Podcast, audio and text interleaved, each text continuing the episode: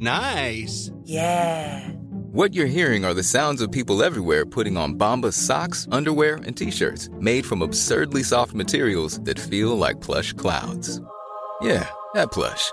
And the best part? For every item you purchase, Bombas donates another to someone facing homelessness.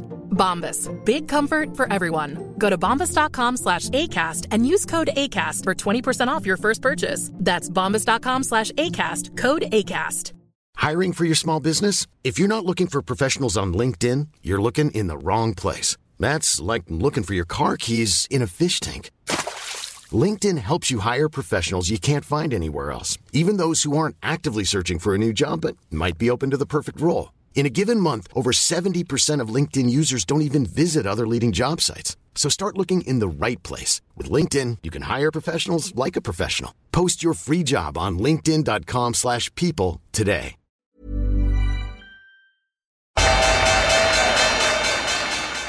They mistook leverage for genius. Leverage for genius. I would recommend Japan. The governments don't rule the world. Goldman Sachs rules the world. Eh, velkommen til den 101. episoden av podkasten 'Tid er penger', en podkast med Peter Warren. Og hvis du følger nøye med, så ser du at dette er første gangen vi gjør det her ukentlig. Det er bare syv dager siden siste episode, og det er noe vi foreløpig har tenkt å fortsette med. Gjort litt endring i oppsett som gjør det mulig. Så selv om det nå er en uh, veldig hellig dag, så sitter vi her og jobber og ser på uh, uh, markedene, men i dag skal vi se kanskje litt lengre, både tilbake og kanskje litt framover også, pga. det som har skjedd de siste ukene. så øyeblikkelig når vi snakka om å gjøre en episode nå, og det ikke hadde skjedd noe, det er ikke noe i current event i markedet, så gikk Peter sine tanker rett tilbake til det som skjedde på Ja, ikke helt på slutten av 90-tallet, men, men, nesten. Og du kan si hvordan du, hvordan du tenkte når du begynte å foreslå det her som et tema? Ja, det, det, hadde jo først og fremst med det temaet som vi hadde forrige gang, altså dette Family Office Archego, som da må selge unna et vanvittig Eller bli tvangsholdt av en rekke banker, altså de rekke av de største bankene, altså bl.a. Goldman Sachs, Credit Suisse, Nomura, uh, en hel serie, de, uh, seks banker tvangsselger porteføljen til et family office som, som, ikke er noe annet enn et investeringsselskap, altså et privateid eh, investeringsselskap, som dumper denne posisjonen i markedet og skaper da betydelig turbulens. I tillegg så realiserer man foreløpig tap på nesten 6 milliarder dollar for to av bankene kun. Vi vet ikke hvor mye de andre har tapt, men for to av bankene kun. Um, og poenget med denne denne her som kommer på en måte out of the blue. De aller fleste hadde aldri hørt om Archegos.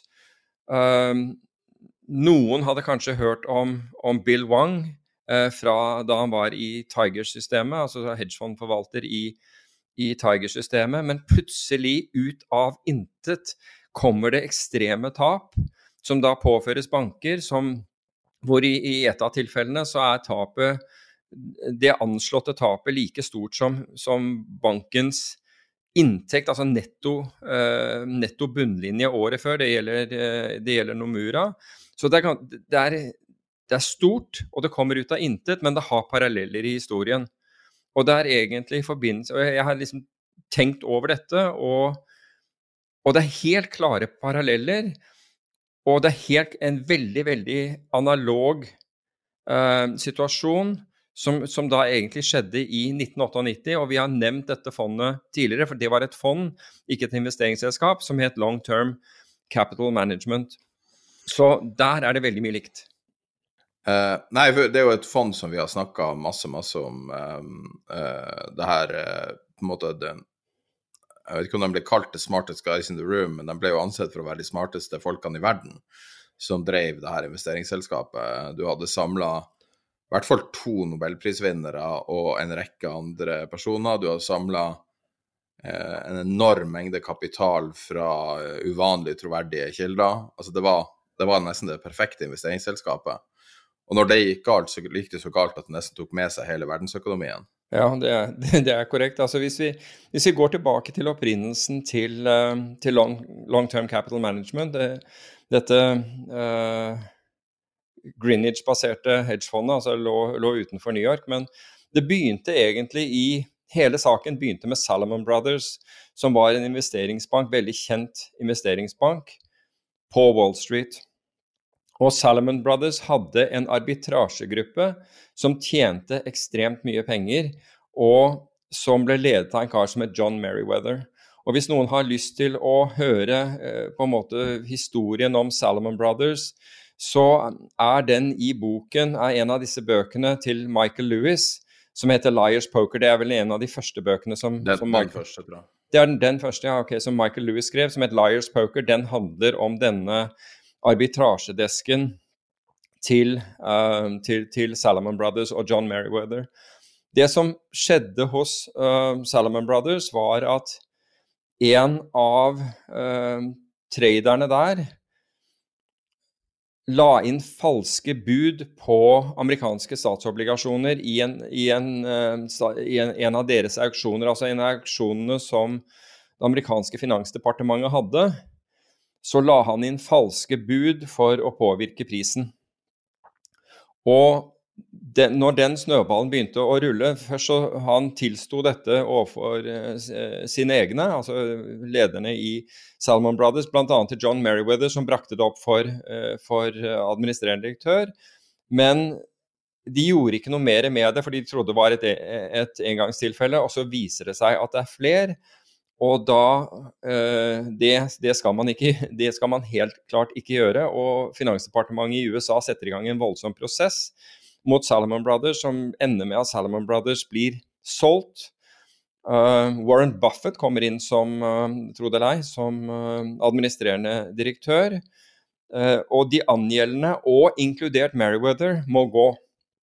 Merriweather må gå til tross for at han ga da Eh, bankens ledelse umiddelbar beskjed når han fikk vite om, om, denne, om dette falske budet. Så, så, ga han umiddelbar beskjed videre, men allikevel så ble han ofret. Og Resultatet av det var at Meriwether sammen med noen av de flinkeste folkene disse, De var regnet som de flinkeste i gaten. De tjente mer penger. altså Når jeg sier gaten, så mener jeg Wall Street. Uh, når, når uh, de tjente mer penger enn noen andre på arbitrasje med, med obligasjoner. Statsobligasjoner primært, men de drev også med, med boliglånsobligasjoner. Denne gruppen var så flink at den hadde ikke noe problem med å tiltrekke seg kapital, og heller ikke andre smarte mennesker. Og du nevnte nobelprisvinnere, og det var uh, Myron Scholes uh, og Bob Merton, uh, som begge fikk nobelprisen i 97.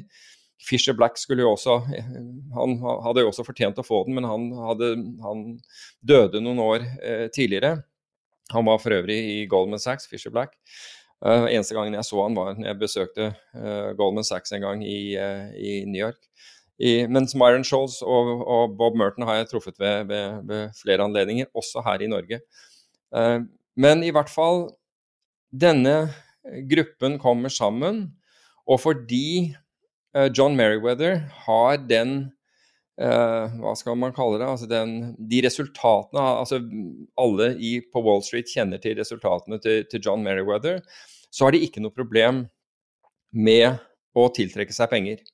Så, og dette, dette skjer i, i, Jeg tror de begynner å, å planlegge dette to, rundt 92, og i 1994 så begynner da dette fondet, Long Term Capital Management, å å opererer operere i markedet. Det er, det er et hedgefond, og de tiltrekker seg utrolig mye kapital. Blant annet altså, eh, det, det thailandske kongedømmet investerer i dem.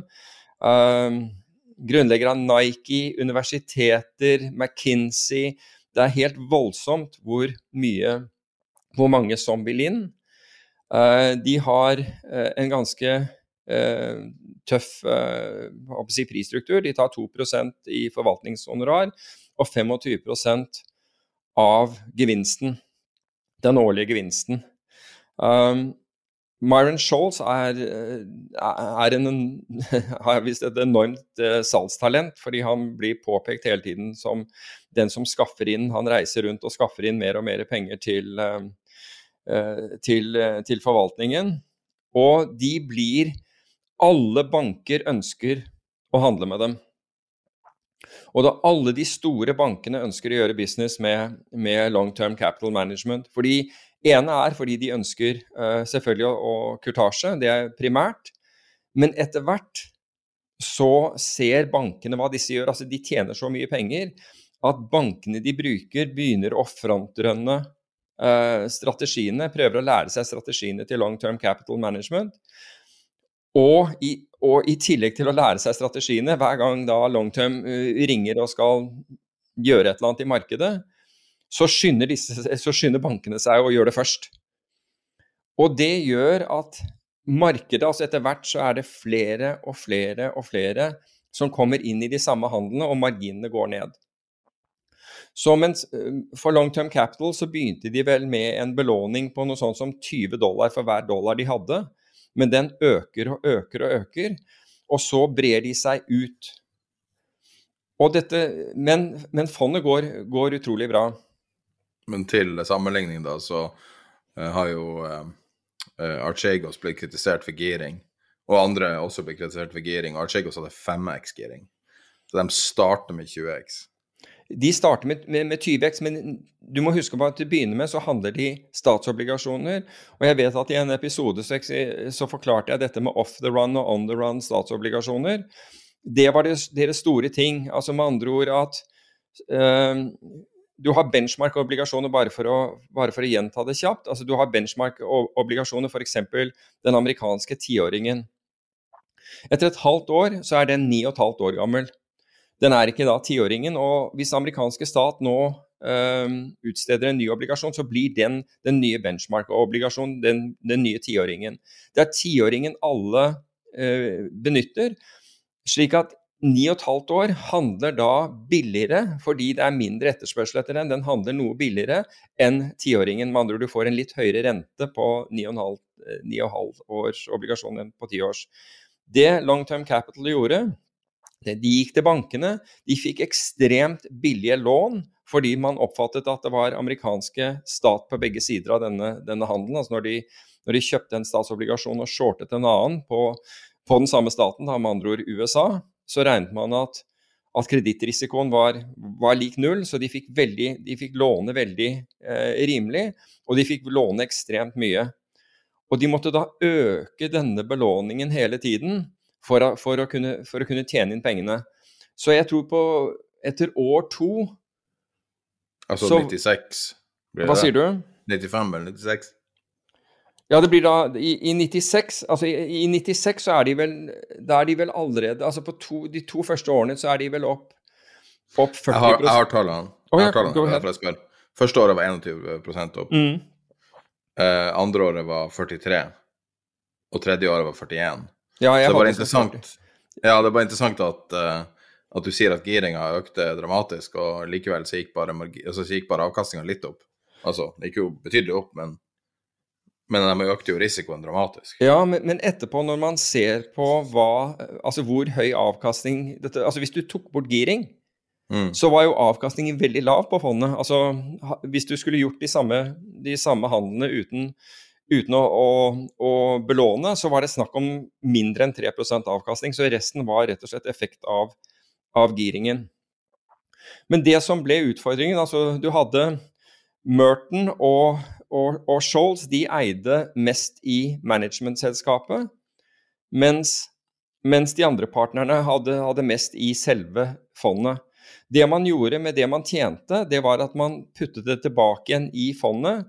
Det gjorde de delvis for å, for, for å spare skatt, men også for de hadde ekstremt tro på seg selv. Så partnerne ble uforholdsmessig store i, i, i, eh, både i, i, fondet og i managementselskapet etter hvert som tiden gikk. Og i løpet av den perioden, altså frem til 97, så hadde, så hadde de firedoblet pengene.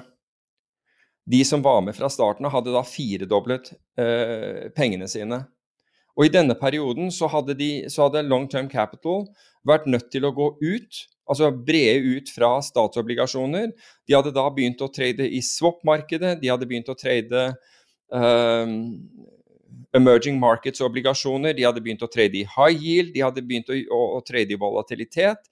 Så de hadde gått til mange andre eh, typer av aktiva-klasser, om du vil. Det eneste alt hadde til felles, var at det var short volatilitet.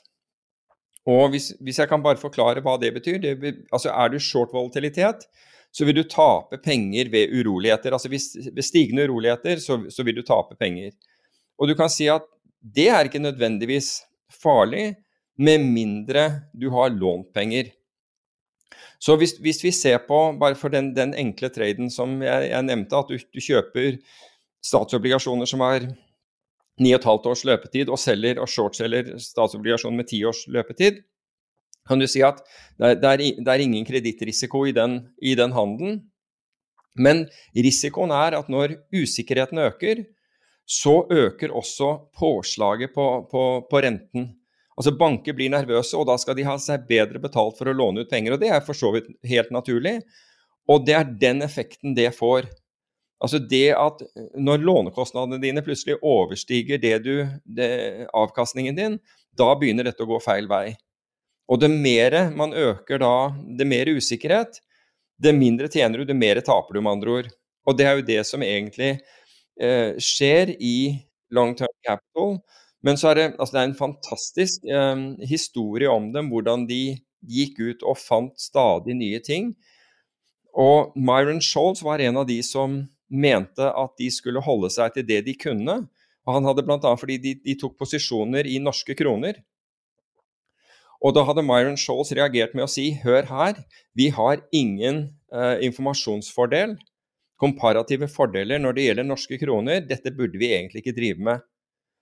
Uh, men fordi dette gikk så bra, så ville alle være med, og så skjer dette at partnerne blir mer og mer grådige, så de gjør faktisk det som Renaissance eh, gjorde. De begynner å, å, å, gi investorene pengene sine tilbake. Åpenbare spørsmålet nå når jeg sitter og hører denne fortellinga For jeg vet jo utfallet, jeg tenker alltid på LTCM som ei krise. Sånn som du opplever fond og fondstrukturer og sånn. Eh, kunne de ha vært en moderne Rentec nå i dag, sånn som de holdt på da? Fordi vi vet jo strengt tatt ganske lite om hva Rentec reelt gjør, f.eks. hvor gira de er. og Det vet, det vet jo ingen som, som, har informasjon om. Vi vet jo roughly strategiene deres, men, men, man vet ikke hva de gjør. Og, men de er jo da ansett for å være liksom så smarte at de kan nesten ikke tape. Um, og da er spørsmålet kunne det her ha gått bra? Kunne det her ha virkelig fungert? Ja, det, hadde teknologien kommet lenger, så kunne det, så kunne det ha fungert. Uh, fordi uh, Rentec har jo den fordelen at de er direkte uh, tilknyttet alle markedene som de opererer i. Og Det betyr at de signaliserer ikke hvilke handler de gjør til andre før, de, før det skjer. Så en av de tingene som, som bringer long term capital ned, det er jo at flere og flere og flere hopper på akkurat den samme traden som de har, med andre ord alle disse bankene. Og bankene gjør hva som helst for å gjøre business med long term capital. Og hvis du tar UBS, som kommer ganske sent til uh, matfatet, fordi de var nølende i utgangspunktet, og Long Term Capital de, uh, de, ble mer og mer arrogante, så de behandlet jo ikke motpartene sine særlig pent. De var, de var superarrogante og forlangte de beste prisene og, og, og var, var regnet for å ikke være særlig hyggelige å handle med. Uh, Eh, UBS kommer til, til, til, matfatet så sent at UBS gir de en put-opsjon um, som, eh, som på, på, på, 700 millioner dollar for å kunne handle med dem. Så du kan si at eh, hvis markedet går ned, så får da så, så har, uh, så har Long Term Capital retten til å innløse dette for 700 millioner dollar. Så du kan si at det er ingen grense. Altså, alle ville være med på det. Og, og alle snakket om dem i, i altså jeg, jeg, husker selv at vi var jo ikke i nærheten av annet enn å kjenne effektene av, av long term capital i, i 98. Men alle snakket om hvor rike de ble som hadde med long term capital å gjøre, og, Mm. og, og, og traderne som da alle som, altså Bankene som frontrunnet dem, altså med andre ord tok de posisjonene rett, altså som de visste long term capital var interessert i. Så hvis long term capital ringte og skulle ha f.eks.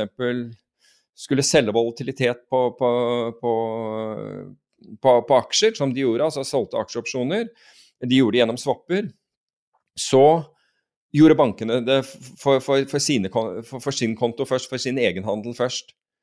Og det å ha long term capital management som kunde var helt fantastisk, for bankene fikk jo da gjennom denne aktiviteten, som egentlig er, er sterkt ulovlig, så fikk de enorme inntekter ved, ved å gjøre akkurat det, det, samme. Og så kom long Time capital med, med, med, med sin kapital og, og, gjorde dette. Så det ble på en måte en gratis, um, en gratis gevinst. Helt helt analogt med det bankene har gjort i valutamarkedet i alle år. Når det kommer store ordre inn i valutamarkedet, så, handler, så skynder banken til, til, en bank så skynder den seg å selge La oss si at det er en salgsordre for, for 500 millioner euro. Men jeg lover at den banken selger 50 millioner euro for, egen, for, for, for egen regning først. Det har vært måten de har tjent, tjent, pengene på. Det er derfor nesten alle bankene alltid har tjent penger på trading. Men når disse, når disse som driver med denne aktiviteten, altså disse traderne da begynner for seg selv etterpå, så ser du at det, det går ikke bra. Og det, er, det, er, jo forklaringen til det. De har hatt enorme fordeler ved å, ved å, være, ved å være, bank. Men det videre i men det som er, er du i 97 nå? Sånn, nå er jeg kommet til, til 97. Nå er det jo Asiakrisen, og, og den klarer de. Kan vi snakke litt om Asiakrisen før vi For det er en krise som er underkommunisert, nøyaktig hva som skjedde da. Ja, den begynner, jo i, den begynner Thailand. I, ja, helt riktig. Den begynner jo i Thailand og sprer seg til Indonesia. Og den er, for jeg som, som var i valutamarkedet på det, på det tidspunktet, det, det, er ekstremt dramatisk. Er, vi, ser, vi handler ikke med, med thaibat eller indonesiske rupier, men vi handler i, i um, japanske yen. Og det er enorme svingninger i japanske yen på det tidspunktet. Og jeg tror jeg har fortalt det tidligere. det er På, på slutten av dagen så altså du, du, har relasjoner, du handler med alle mulige banker i verden. ikke sant? Og Citibank, Goldman Sachs, uh, Bank of America uh, Alle de tyske bankene, alle de sveitsiske bankene, svenske og, alle, og britiske handler i. Og så var det, var det en, en uh, dealer i Bank of America, vi, og vi snakker jo sammen på Reuters-systemet. Du snakker med, med, med, med brokere på, på, over, over, over, lyd. altså da, Der har du mikrofoner, så du snakker over direkte linjer til brokere. Mens bankene kommuniserer som regel med og elektronisk over, over Reuter. Og så husker jeg var det en, en, trader, en dealer jeg kjente i Bank of America, som sier som helt på slutten av dagen så pleier å liksom si uh, uh, vi, vi, ses i morgen. Uh, see you tomorrow, ikke sant? Altså bye for now, see you tomorrow. BI4N. Um, CU um, 2M, ikke sant? See you tomorrow, og så pluss, pluss, pluss. Og så, så, og så svarer han No, I, I, I'm not coming in tomorrow. Og så, og så svarer jeg han Å, har, har, du dagen fri? Nå, uh, vi ses torsdag isteden. Altså, I'm not coming in Thursday either. Og så, så sier jeg oh, When are you back? Never, får jeg svar. Og så, og så, sender jeg tre spørsmålstegn, og så sier han jeg har hatt sånn å tape i dag at når de finner ut det, så er jeg borte. Og det var han. Hvordan så, var det? Bank America. Wow. Bank America London. Hva skjer med sånne folk? Bare, nå, er det, nå er det digresjon etter digresjon her, men klarer ja. han å lande på beina? Ja Han gjorde vel omsider det. Det tok jo noen år før han fikk en ny jobb. Oi, husker jeg. Såpass? Ja. Oh, wow. Jeg trodde sånne folk, uansett en, uh, en skilled trader, skulle man tro ble ja, så Normalt sett så gjør du det, men pga. den eh, og, og, nå går vi tilbake igjen til temaet, fordi Asiakrisen etterfølges da av det som skjer i 1998 ikke Ja. sant, med Russland. og Dermed er det såpass mye usikkerhet at det tar litt tid før bankene begynner å, å, å, å, hire eh, Hva heter det? Ansette, ansette folk igjen. Så var det en double whammy for han, da, både rykte og markedet. Ja, virkelig. Og det var jo sånn at, at han hadde måttet trekke barn ut av privatskole og mange sånne ting. Der de, han, de, de bodde i London. Det var, det var en tøff periode for ham. Ja. Av, av ren tilfeldighet så kontaktet han meg i, i, i, i forrige uke. Så ja. det er litt av en tilfeldighet. Ja. Ak akkurat denne traderen. Men vil, hva vil det?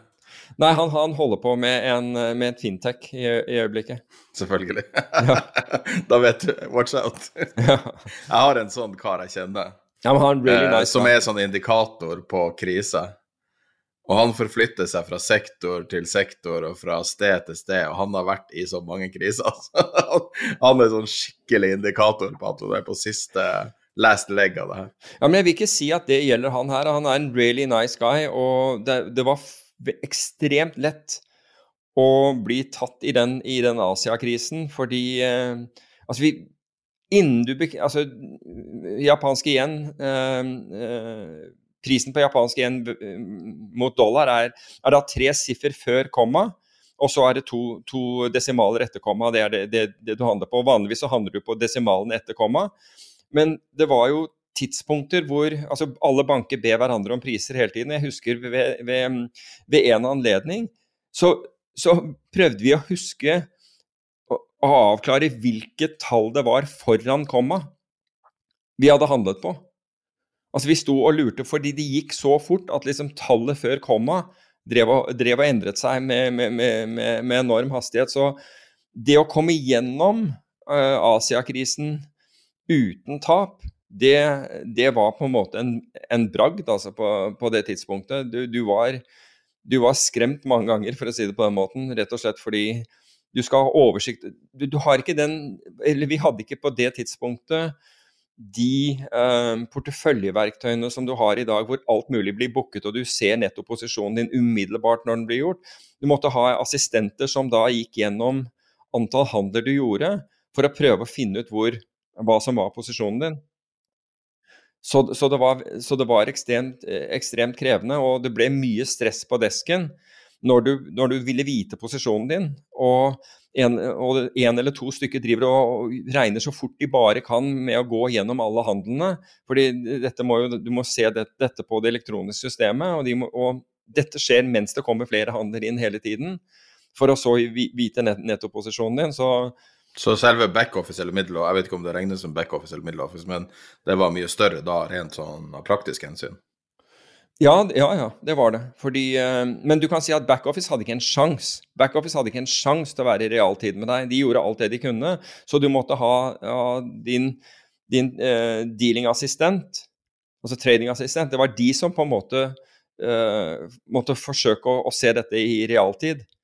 Fordi det var såpass mange som ba, ba deg om priser. altså Det, det kom inn kom via broker, det kom via, via det elektroniske nettverket, altså Reuter dealing-systemet. Det kom via EBS, som skjedde rent elektronisk. Og det kom via at, at en annen megler på desken ropte over til deg og ikke sant, pris for fem millioner dollar igjen. ikke sant, Så stilte du den, og så ville han si 'mine' eller 'yours' eller et eller annet sånt, altså avhengig av om, om, uh, om han kjøpte eller, eller, eller, solgte av meg. Og alt dette måtte oppfattes av noen. altså Mens, du, mens, mens brokere snakker, mens alle andre driver og holder på, så måtte det der oppfattes slik at du ikke bommet grovt. da. For hvis du bommet f.eks. med hvis du bommet med 20 millioner dollar uh, på, på, på, på, posisjonen din i et marked som flytter seg figurer i løpet av, uh, uh, av noen sekunder, da røk det mye penger, altså, for, å si det, for å si det mildt. Det må jo ha helt enorme konsekvenser for kjøpekrafta til f.eks. indonesere. Der, ja, ja, selvfølgelig. Altså helt episke på, på Eh, perspektiver man kanskje ikke har sett utenom, utenom Russland nettopp. og, eh, og um, i Mellom-Amerika noe sånn der f.eks. indonesiske rupi gikk fra 2380 til 14 000 i veksling på ett år, altså mot dollar. Ja, det var helt voldsomt. Sånn at du, du kan ikke deale med utlandet lenger, liksom. Thaibaten halverte seg. Ja. Altså, det var helt ekstremt. Vi holdt oss heldigvis unna, unna de, de eksotiske. Det var jo Standchart i London, altså Standard Chartered Bank i London, som var på en måte den som var virkelig store innenfor, uh, innenfor EM-valutaer. Vi holdt oss helt unna, unna, det. Vi hadde jo, altså Der kan du snakke om å ikke ha komparative fortrinn. Vi, vi, ønsket ikke Altså Hvis vi trengte å legge av risiko fordi noen ville ha altså Vi hadde kunder eller noe sånt noe som, som, trengte Thaibat eller et eller annet sånt, så gjorde vi det back to back med, med Standchart London. Um, Men, eh, men, ellers så Altså yen, som ikke er en eksotisk valuta på noen måte, men den føltes veldig eksotisk ut akkurat i de dager med den bevegelsen som var. Jeg kan si at jeg har delt en video på sida, uh, hvis du har lyst til å se litt hvordan det her ser ut. Uh, så har på, på tiderpenger.no, så hvis du går inn der, og så har vi noe som i noen tilfeller har blitt misvisende, at det er leselisten. da, det er Uh, ei hele tida oppdatert liste over bøker som primært Peter uh, anbefaler. Men så er det en og annen ting der som er videoklipp også, fordi at det er ting som kan være interessant hvis du har lyst til å, å lære deg mer om finans. Og Hvis du scroller helt til bunnen der, uh, så er det en video fra BNP Paribas som viser desken en, en, desk som da for en fem, seks, syv år siden filma en dag og visste hvordan det foregikk. Uh, si, minutt for minutt, og hvordan auksjoner fungerer, hvordan squawkboxer fungerer. Eh, hvordan en person som dealer han, Her dealer uh, uvanlig, altså veldig eksotiske valuta. Um, og, um, og, det er bare interessant å se hvis det er jo mange som hører på som aldri har sett det her. De aller fleste har jo aldri sett det her sjøl, og det er veldig vanskelig å få tilgang til et dealingrom. Men BNP Paribas eh, har vist det i en video en gang, og den har jeg delt på. Jeg legger også link til den i beskrivelsen her, og link på, på den blogginnlegget, så det er lettere å finne. Ja, Mens vi er inne på det, så, så finnes det, det finnes to bøker. Det er mulig at det er flere, men det er i hvert fall to som jeg kjenner til, som er skrevet om, um, om long term capital management. Den ene ble skrevet av en kar som heter Nick Dunbar, lest, og den andre ble skrevet av Roger Løvenstein. Og det er den Roger Løvenstein-boken um, eh, som heter 'When Genius Failed'. Som, eh, som, jeg, Av de to, som er det er Løvenstein-boken som er absolutt den beste. Løvenstein er, eh, eller var på, på, det tidspunktet Jeg mener at han var eh, journalist i Wall Street Journal, og, og, den boken er veldig god. Altså, den behandler da alle disse karakterene som, som var med i, eh, i, det fondet, og hele gangen i det fondet. Og jeg ville jo sagt det at i dag, spesielt med det vi ser med Achegos, så er for de som ønsker å forstå risiko, fordi det er ikke man, det, det, er jo helt opplagt at det er veldig få som har opplevd risiko i markedet i dag, men som, som ønsker å forstå nyansene ved risiko, nemlig ting som illikviditet, um, crowding, altså når det er for mange inne i en posisjon, og rett og slett gangen i hva det er som skjer når ting begynner å gå galt, så vil jeg anbefale den, den Løvenstein-boken. Den, den, den, er ekstremt god. Selv om den nå begynner å bli noen år gammel, men, men eh, du kan si at risiko forsvinner ikke. Den, den, bare får nye former. Apropos bøker, hva var det den boka med, om Jesse Livermore heter? Uh, um, oh, hva er det den heter igjen, da? Uh, den som man ikke er sikker på var Livermore hvor, Med et annet navn? Ja, det er den. Ja, det handler jo i bok som omtaler han det stemmer. 'Reminiscence of a Stock Operator'. Stock. Ja, det er det. Det er, det. det er en av de beste bøkene jeg har lest om finans, og, det viser jo også at det er virkelig ing, Altså folk som La oss si er 19 år nå kommer inn og, og, begynner å lære seg om finans og lære seg om trading, det er jo mange som gjør det nå. Uh, tror at de finner opp nye ting, men hvis du begynner å lese om hva Jesse Livermore holder på med for uh, rundt 100 år siden, så, um, så, skjønner du at det er ingenting som er nytt. Alt har vært sånn her hele tida. Det har bare endra litt grann eh, karakter i akkurat hva ting heter. Men mer eller mindre, det er det eneste forskjellen. Alt har blitt gjort før. ja, og det er det, det, det er det, jeg egentlig opplever når jeg leser Det mer jeg leser om Archegos, det, det mer føler jeg at, at du, du, har, du har rett i det. Fordi dette har vi sett før. og og, og, videre det som det er, det er jo interessant det som, det som skjer med, med, med, long term capital management, er nettopp at man er så overbevist over genialiteten. Og det ser vi, det har vi sett nå også under covid-krisen. At banker har ment at folk har vært så geniale osv. Og, så videre, og så har det da vist seg at de har noen av de største tapene. Um, Uten at jeg, jeg trenger ikke å, nevne noen i forbindelse med det, men, vi, vi, vi, ser jo at det, at det har, har, skjedd, slik at det er jo ingen garanti. Altså, banker blir mer slepphendte. Det, altså det, det, større noen blir, og de blir grådige de blir med, og, og, helt overbevist om at disse folkene er uh, Hva er det der uttrykket? Altså de Jeg husker ikke hva det der uttrykket går på, et eller annet, men uh, det, er, det, er, når du er ufeilbarlig. Jeg kommer ikke på hva, hva uttrykket er, men, men de er helt overbevist av det. Men det er også long term capital selv. For jeg vet at um, at uh, Myron Scholes han presenterte Jeg mener at det var for en stor institusjonell investor, antageligvis et pensjonsfond, som de ville ha til å putte penger inn i, i fondet. Og der er det en, en, trader i dette pensjonsfondet som mener at det, det, gevinstene som, uh, som, long term capital management uh, oppnår, de er egentlig ikke mulig å få. Altså, det, altså at dette, dette kan ikke vare. Hvorpå Myron Scholl sier jo, jeg skal fortelle deg hvor, hvor, hvorfor vi kan, vi kan, hente ut disse gevinstene. Det er pga. idioter som deg, sier han til han her.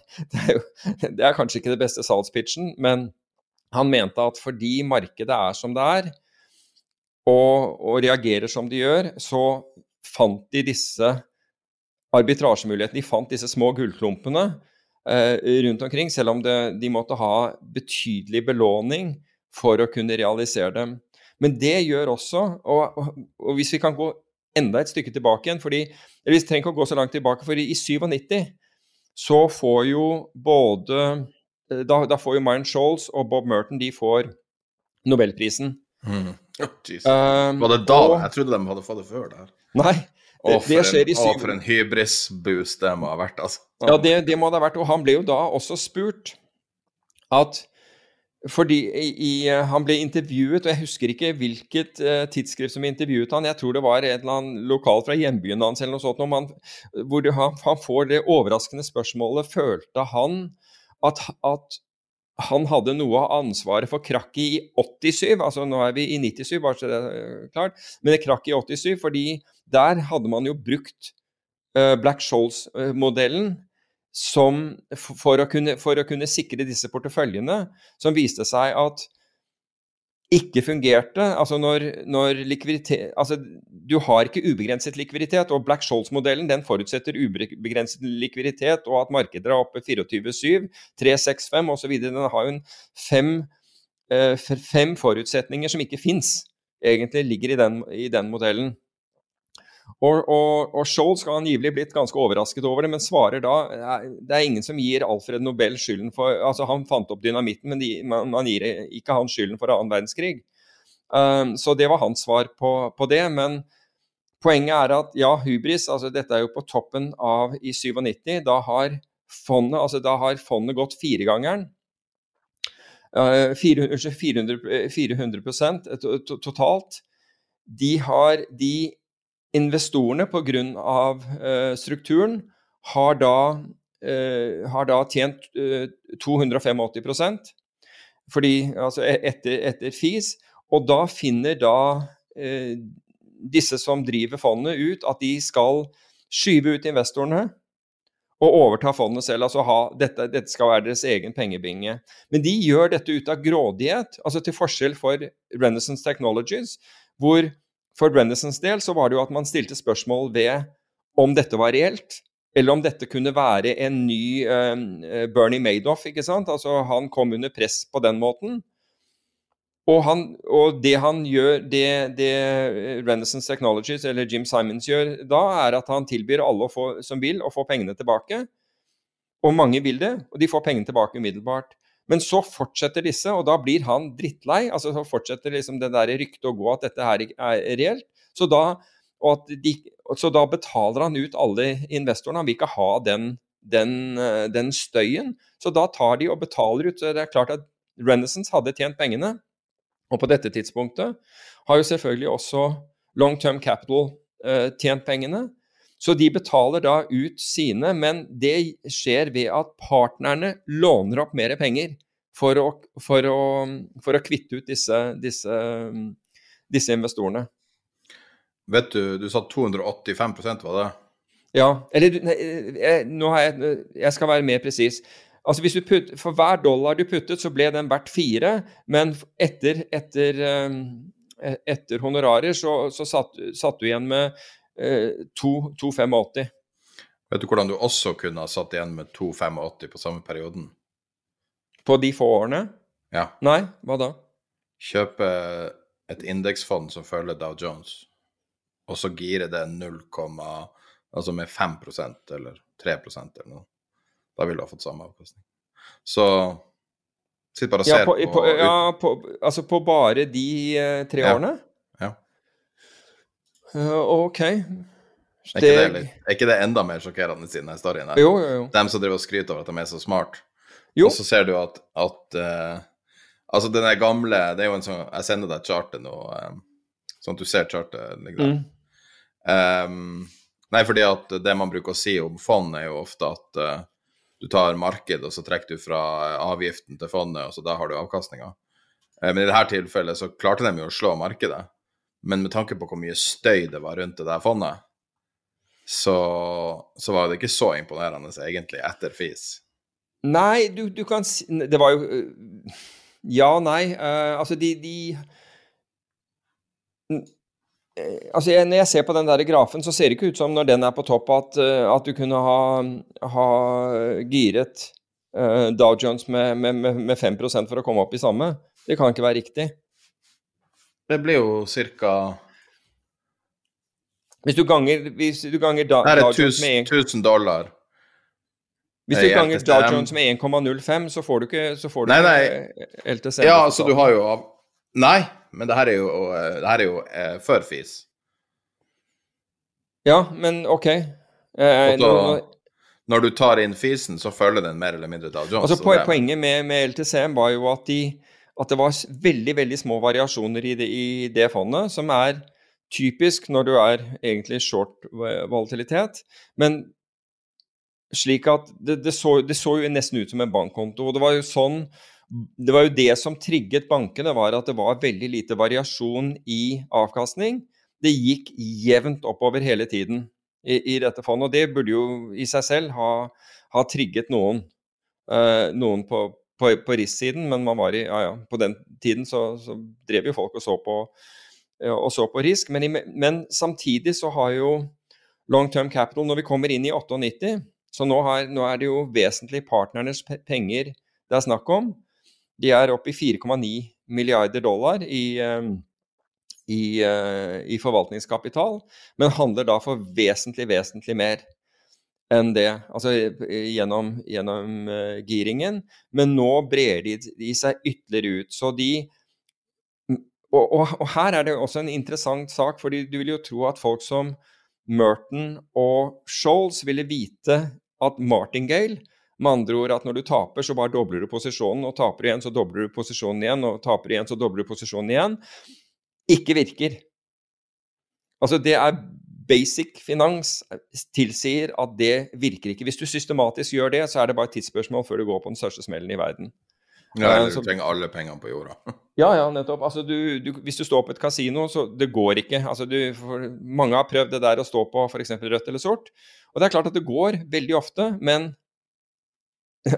når, når det største antall ganger rødt har kommet opp, eller var det svart, jeg tror det var rødt, kommet opp etter hverandre er 31, så, så går du tom for penger lenge før, før, før du henter, um, henter gevinsten. Men det er jo faktisk det som long term Stemmer det med 31?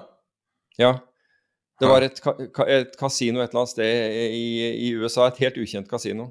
Hvor, eh, hvor langt, hvor mange standardavvik er det? Nei, det er insane mange. Jeg vet ikke. Men du kan si at hver gang et eller annet skjer i finans, så sier vi jo at det, er, det, det skulle ikke ha skjedd i, eh, i universets levetid. Men, men det, det, jeg syns det skjer hvert tredje år. ja, sånn det, det, det er det jeg også syns, ikke sant. Altså, men du får jo stadig høre den, og det er jo den store unnskyldningen til hvor, hvorfor ingen kunne forutsi det, det som skjedde. Men det LTCM gjør, er faktisk martingale. Fordi i 98 så begynner Så, så har jo da eh, Så får du problemer i Russland, og hvor Russland truer med å defaulte på, eh, på, på gjelden sin. Og det skaper store konsekvenser for eh, finansmarkedene generelt. Det blir mye uro.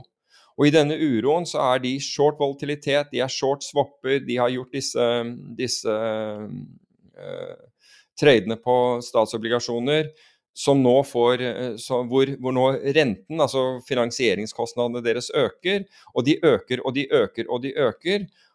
Og det ender med altså Til å begynne med så klarer da Long Term Capital å få inn mer og mer penger, men fordi nå begynner de å tape penger, så blir jo egenkapitalen mindre og belåningen større. Og på det verste så har de en belåning på 100 Altså er de 1 til 129. Så på den verste, på den verste dagen eh, som de hadde, altså, så, så hvis markedet falt med Hvis de fikk 1% mot seg, så var, så var, kassa tom. Da var alt borte. Um, så så gærent ble det på, på, på, det verste. Og det de gjør, er at de forsøker å få bankene med seg. altså Nå begynner dette her å gå utforbakke. De var jo opp de to første kvartalene i 98. Jeg tror de var opp 14% De to første eh, kvartalene så var de vel etter tredje kvartal så var de ned 71% Så, så tenk deg den. Altså øh, Og de, har, de, forsøker nå å få inn mer kapital. De spør uh, Warren Buffett bl.a., og de går, til, de går til alle. Og så kommer de i en situasjon hvor de er nødt til å informere alle bankene at nå holder det på å gå gærent her, vi trenger penger. Og den som er mest aggressiv, det er da John Corsine i, uh, i Goldman Sachs som da sier at de, skal, de har en som, de, uh, som, som, kan komme inn med penger, men de ønsker da å se de, de, ønsker da det de kaller open kimono. De vil ha adgang til alle, alt hos uh, Long Term Capital. Så Long Term Capital sier ja, og de tror da at en to-tre mann fra Goldman Sachs skal dukke opp, men det, det dukker opp 20 eller 30. Så Eh, så det er såpass mange fra Goldman Sachs i lokalene til Long Term Capital at de klarer ikke å holde øye med hva folk gjør. Og en av disse gutta tar en da datamaskin og begynner å laste ned posisjonene til Long Term Capital. Og nå går det virkelig fordi umiddelbart etter at han her har lastet ned posisjonene, så er det en stor selger av akkurat de, de posisjonene som Long Term Capital prøver å komme ut, og det er Goldman som driver og selger i markedet. Faen, Goldman, altså. Det er alltid, og, alltid Goldman. Altså, det er helt ekstremt. Altså, husk på Du må nesten respektere det. Altså, du må nesten Nei, du må ikke respektere altså, Tenk deg det. det er så brutalt. Det er så brutalt. ja, men det er jo en brutal Altså, Corsign Det året skal, skal, jo Goldman på børs. De skal jo ha en IPO og gå på børs det året, så det står mye på spill for Goldman og Goldman sine partnere. Og det er klart at de bryr seg døyten om tydeligvis long term capital. Fordi de begynner å selge. Og på det verste Og dette, i, i, eh, dette mener jeg at, at Lovenstein dekker i boken sin. Da står noen av folkene til, på slutten av dagen da, da har posisjonene, altså de eh, aktivene som som eh, Long Term Capital forsøker å selge, de har blitt solgt av altså i markedet. De har falt voldsomt, så Long Term Capital har ikke klart å, å komme ut av dem. Hvorpå en av de gutta som står hos, i lokalen deres fra Goldman, sier på slutten av dagen vi kan godt kjøpe disse tilbake igjen. De hadde shortet disse herre den dagen for å kjøpe det tilbake igjen på, på, på slutten. Um, altså da, har du, da, har du, ikke bare kutta hovedpulsåra, men du tramper på halsen etterpå. Også, ja, det er, det er helt uh, voldsomt, det, det, som skjer. Og resultatet av dette her er jo at nå må man, uh, nå må man gå til amerikanske uh, sentralbanken og orientere dem. Egentlig forsøkte de å få, få hjelp fra amerikanske sentralbanken, men eh, sentralbanken, Det er New York Fed, da, jeg mener at det heter William Donahue, i New York Fed som har da møte med, med bankene og sier at de har ikke tenkt å, å, gjøre noe med dette her. Dette er bankenes ansvar, det er de som har lånt ut pengene, det er de som har drevet, drevet dette her frem. Og det vil være politisk helt uakseptabelt for den amerikanske sentralbank å komme inn og bruke skattebetalernes midler på dette. Fantes, fant, på det tidspunktet fantes det tydeligvis noen i amerikanske uh, i det amerikanske systemet som, som, som, som hadde guts. Så Donahue forlanger da at bankene stiller opp med penger og redder, uh, og, og redder long term capital management. Rett og slett, de, de, de, redder det ikke, de overtar det. De overtar porteføljen og, og, og selskapet. kan du ikke si at de likviderte posisjonene uten, altså uten en fire sale? Var ikke det det som var hele Nei, ja, altså, du kan si at hva de, hva de ville gjøre med dem, det var jo uklart da. Men du kan si at det man trengte, var 3,9 milliarder dollar. Og 14 banker kom opp med 3,9 milliarder. Det var to banker som ikke ville være med. Den ene var B. Stearns, og det fikk jo de, eh, det, det fikk jo de merke i, eh, under finanskrisen. Og den andre mener jeg var Kreditt Agricole, min feil. Kredit Jeg Agricole. trodde det var Lehmann. Jeg har alltid trodd at det var Lehmann. Nei, Eh, det var B. men, Stearns. men det, de bidro 100 mil. Så, Eller var med ja, på det. Så um, wow. Men jeg, jeg hadde skal vi se, Men angivelig er det derfor Bear Stearns konka først. Det er det som Ja. er liksom det, det er uh, law på Wall Street. Fordi at folk, dem som satt i det rommet der, de var fortsatt i gamet i eh, 98, nei, 2008. eh, og ville ikke baile dem ut. Men det interessante her er at 1,6 milliarder dollar tapte Long Term Capital Management på swapper. Og det var swapper som, som eh, Finanstilsynet for, eh, for derivater i USA, altså eh, CFTC, mente skulle re reguleres og hadde vært i, i eh, konflikt mellom, de, mellom det Finanstilsynet og SEC, de som regulerer aksjer, og, over flere år. Og hvor Robert Rubin gikk imot at man skulle regulere, som var finansminister, regulere swapper. Og Alan Greenspan gikk, på, gikk imot og, og at, banker, at eh, swapper skulle reguleres og, og puttes inn under et finanstilsyn. Ja, du vet jo akkurat hvordan det skjedde. Det møtet med Clinton. Ja, altså det, er, det er en mye lengre historie enn en det rundt dette med swap. For dette var jo en turf war mellom, mellom eh, CFTC og SEC.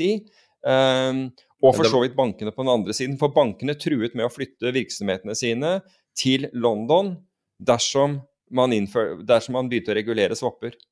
Ja, det, de, det som er liksom på en måte Lauren på det, er at rett før Clinton skulle komme inn som eh, president, da han lova helsereform og masse andre dyre ting, eh, så var det nettopp Rubin og eh, Greenspan som hadde et timesmøte med han, der de sier hvis du gjør noe av det her, så konker USA.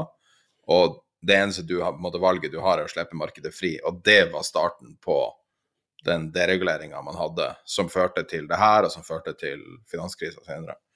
Eh, Ja, den, den var jo litt annerledes, for det var jo en deregulering hvor man, eh, hvor man tillot banker å ta risiko, blant annet, ikke sant? Altså banker å være investeringsbanker. Um, som, som for så vidt er en del av, av det samme. Men Rubin og Greenspan var, var, var da imot regulering av disse swappene. eh, med det resultatet at ingen regulerte det, og de dukket ikke opp noen steder før egentlig det, det, bankene kom i fare. Hva er egentlig argumentet mot regulering og sånne ting? Jeg vet at Greenspan var kronisk motstander av regulering. Var det bare, Er det nesten et religiøst uh, ståsted? Nei, altså bankene har jo alltid ment at det er andre enn dem som skal, regule eh, skal reguleres. Sånn har det jo alltid vært, fordi du har liksom Banker har Ja, men Alan Greenspan, liksom. Han er han er jo Ja, men han, altså Alan, Gre Alan Greenspan han gjorde mer, mer, mer galt enn bra. altså Det, må, det, må, altså, det, det har historien vist. Hva var det han, han sa etter han gikk av, at han hadde muligens tatt feil? Altså Ja. grunn- grunnleggende synet på markedet var muligens feil, eller noe av den duren. Helt, helt, helt utrolig, men, men, men han gikk, og, og det samme gjorde og det samme gjorde Rubin. Og jeg vet at Nasim Taleb hater jo Han kaller jo det Bob Rubin trade. ikke sant? Det er jo hvor, hvor skattebetalerne må ta, all, må ta regningen, og bankene tar gevinsten. Det er the Bob Rubin trade. Um, men de tapte da altså 1,6 milliarder dollar på swapper. De tapte 1,3 milliarder dollar på å være short aksjevolatilitet.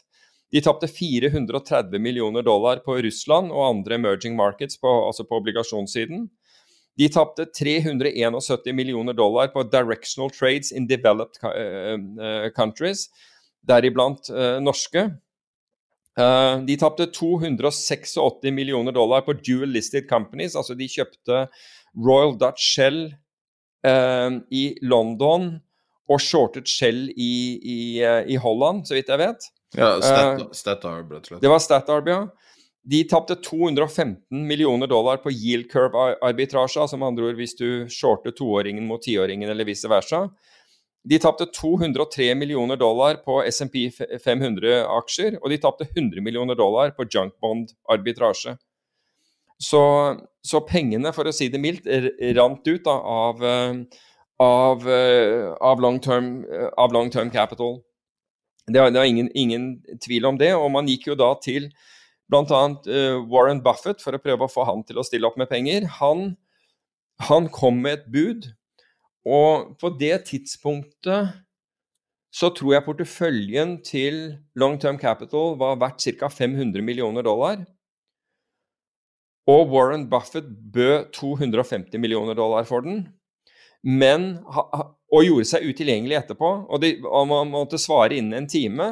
Men i kontrakten så var, var ikke fondet, eh, var det ikke fondet som, som skulle overtas, men managementselskapet. Og det, det, ga ingen mening. Og i og med at man ikke kunne få tak i Buffett eh, Etterpå så falt den, den dealen igjennom. Man spurte eh, Julian Robertson ble, ble, spurt, og mange andre ble spurt om de kunne komme inn. AIG tror jeg var på banen. Det var liksom ingen, det var ingen steiner som ikke ble, ble, ble snudd. Goldman var vel igjen på banen, var han ikke det?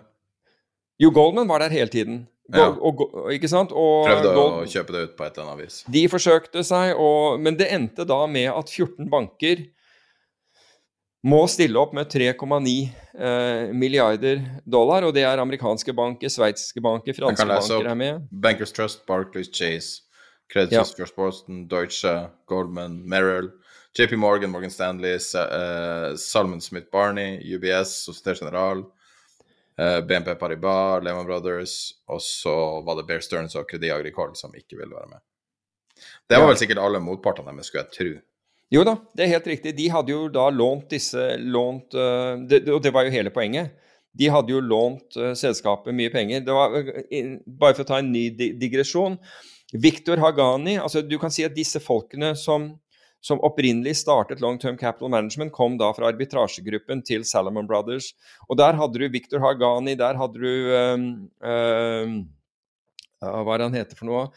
Uh, Erik Rosenfeldt altså noen, altså De ble kalt de eggheads i, i Salomon Brothers fordi de var superkvanter, uh, disse gutta.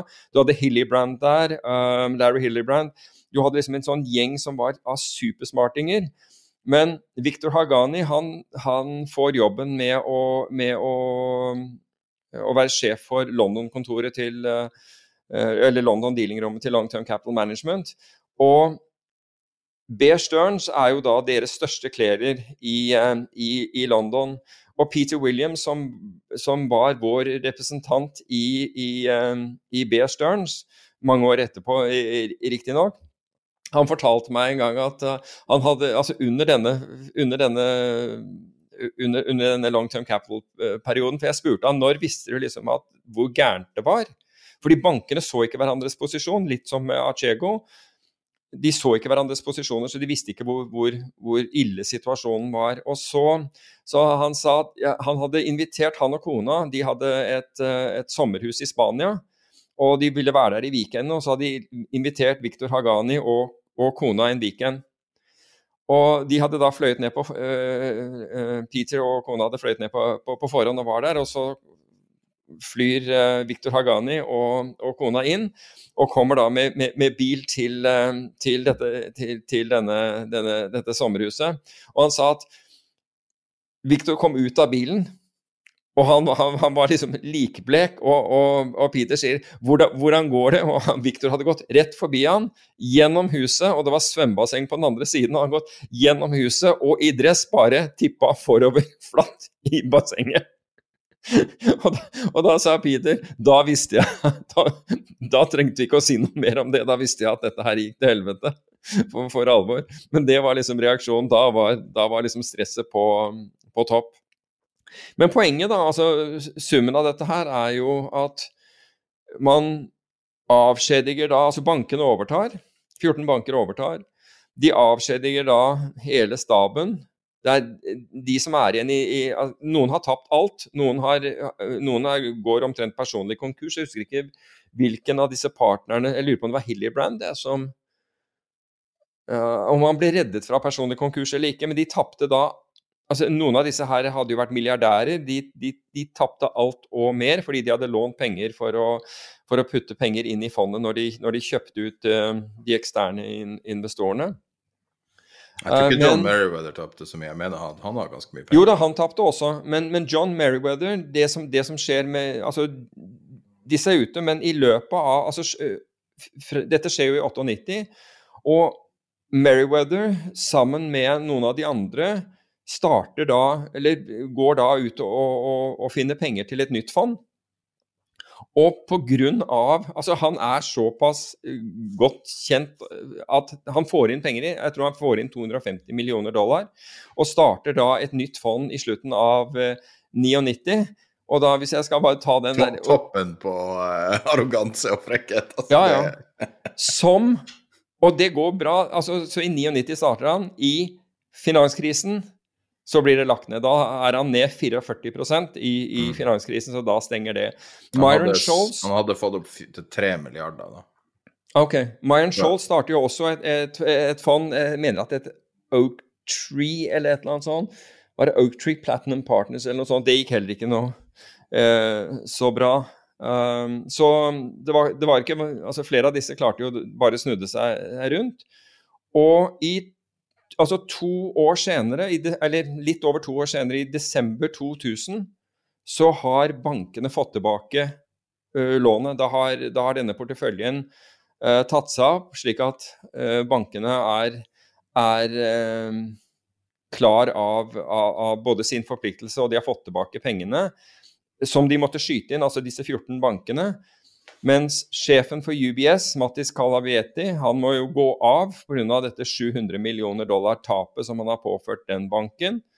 Jeg husker ikke om Corsign måtte gå av i, rett etter den IPO-en eller ikke, men Og det var jo ikke men- lenge etter han gikk av uansett. Han ble jo politiker. Nei, for John Corsan går av der. Han prøver på en politisk karriere, og så går han til MF Global, som da går, Ah, der som går ad, ad dundas. For jeg husker han som politiker jeg, jeg Ja, ja. strøkka over litt der. Ja, ja, så, så, så, så han er jo da borti en ny finansskandale, så det er jo litt av en uh, Men hadde ikke han dårlig rykte? Det var noe med han. Han hadde dårlig rykte som politiker også. Det Ja, han klarte vel aldri- gjorde. Ja, det, det skjedde en eller annen politisk skandale, mener jeg, rundt Corsign. Jeg husker ikke akkurat hva Jeg mener at det, at, at det var en politisk skandale der, ja. Han var veldig upopulær, husker jeg. Men, eh, jeg husker ikke. Ja, det er mulig. Men eh, Men det er ganske fall from grace fra å være top dog i Goldman til Jeg vet ikke hva han gjør nå. Nei, nå aner jeg ikke. Altså, felles for altså, Han har sikkert gjort veldig bra. Larry, eh, apropos, apropos det, så eh, Og Bob Rubin. Når han gikk av som finansminister, så fikk han en eller annen stilling i Citicorp, altså hvor han ikke engang trengte å møte opp til Hva var det han fikk? At 12 millioner dollar i året, eller noe sånt noe? Ikke verre. En eller annen sånn sinnssyk eh, deal. Han gjorde, han gjorde aldri noe bra. Så Men i hvert fall Det er en ting jeg eh, alltid har lurt på. Nå er jeg jo ute på vidda her. Jeg satt og uh, Hvem var det jeg satt og så på lønn? Det var en eller annen jeg satt og så på lønna til. Nå i påsken, bare vi diskuterte et eller annet, og så sa jeg hvor mye han hadde tjent. Jeg tror det var Det var en som ble intervjua på CNBC. Og så tenkte jeg, hva, hva er det man gjør med de pengene? Hva de gjør? Altså folk som tjener 200 millioner kroner i året. Hva, hva du gjør med det? Det er et legitimt spørsmål. Hva i alle dager gjør de med pengene? Nei, jeg vet ikke, jeg. De, det ser ut som de kjøper eiendom for tiden, spør, spør du meg. Altså, Jo, når- men altså, det er noe begrenset hvor mange hus du kan ha, liksom. Jeg vet ikke, men når hytter går for uh, 20-50 millioner eh, kroner, så Jeg vet ikke. Resten går i skatt. Hva vet jeg. Ja, men når du har gjort alt det der, så sitter du igjen med en, eh, en uh, kontinuerlig flom av ca. 1 million kroner inn hver eneste dag. Så det er jo ikke 100 skatt, så noe går nå inn. Ja. Nei, det er et legitimt spørsmål. Hva gjør alle de her Du, du har jo møtt eh, en del av dem i ditt liv. ja, men altså, de Jeg vet ikke. Altså, de fleste gjør jo Altså, hvis Amerikanere, de, de gir faktisk veldig mye til veldedige formål. De gir til universiteter, de kjøper fløyer på universiteter og og gir veldig altså Apropos det, Bill Wango Achegos, han ga jo til, til, til, til kristne eh, organisasjoner. så det, jeg, jeg, føler ikke altså det, For all del, det finnes noen ekstremt filantropiske norske investorer. Um, og, og, de aller fleste av dem, eller i hvert fall en god del av dem, har du ikke engang hørt om er, er filantropiske. Og dette ser jeg pga. No, uh, andre ting jeg, jeg gjør. Uh, men, men, jeg skal ikke, uh, definitivt, ikke, definitivt ikke være indiskré og, og nevne det. Uh, og så har du andre igjen som, ikke, altså, som, som, absolutt ikke er interessert i, i filantropi, med mindre det er, det er, til fordel for dem selv. Uh, men uh, det var en som ble spurt, en, en norsk milliardær som ble spurt om, om, om å gjøre noe filantropisk, men da var svaret at, at hvis, hvis det, det, var riktig, hvis det var riktig for han PR-messig, så, så ville han gjøre det, ellers så var han ikke interessert. Og da var jeg egentlig ikke interessert i the cause eller noe, eller noe sånt noe. Så eh, Men mener du virkelig at det primære driven Altså, jeg skjønner det å vinne i seg sjøl er en Altså spesielt folk som klatrer corporate og får de her store lønningene. Men den primære driveren er å være filantropisk? I USA så er det veldig mye det. Eh, jeg trodde det, det var skatteplanlegging. Nei. Litt som Nei. å kjøpe Det er noen som mener at eh, kunst Nei, men, men du kan, du, du, er veldig jo, mye det. Ja, men du, kan jo si at det kan også være egoisme i å gjøre filantropi på den måten at det får deg til å føle deg bra om deg selv. Og det, og det kan få deg til å fremstå eh, sjenerøs og filantropisk i, på en måte i andres, i andres øyne. Men det, altså, det fins Eh, det fins velstående folk i, i Norge som overhodet ikke har vært opptatt det, Og dette vet jeg. De overhodet ikke har vært opptatt av at det skulle bli kjent. I det hele tatt. De har tvert imot. Du vet ikke om det. Og, og, og jeg har blitt forbauset uh, av og til over, over uh, hvem som er filantropiske, hvem som er grunnleggende gode mennesker, om du vil. Uh, jeg har endret syn på folk, rett og slett pga. ting jeg vet så, som de har gjort for andre, og hvor de har vært helt uselviske. Og det er ikke snakk om å gå til aviser eller på noen annen måte fremstå uh, Gjøre dette så, som noen no form for PR-triks. Ja, ofte Men tilbake... er det jo det, det, siste du skulle tro, nesten. Så.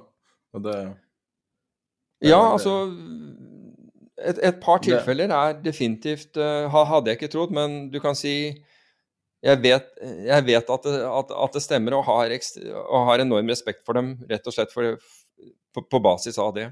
Det var, det var ikke meninga å stille et platt og dumt spørsmål, men det er liksom, vi snakker mye om penger, vi snakker mye om avkastning og millioner og milliarder.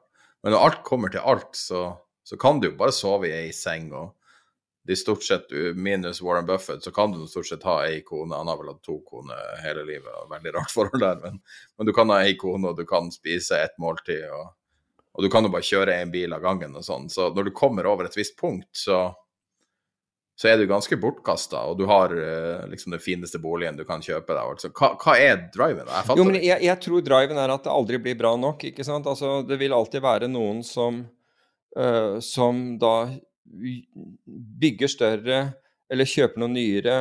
Og jeg vet selv et tilfelle hvor, uh, hvor en jeg, jeg kjente godt til, hadde da gjort det veldig bra og gått og kjøpt seg en, en, en bil.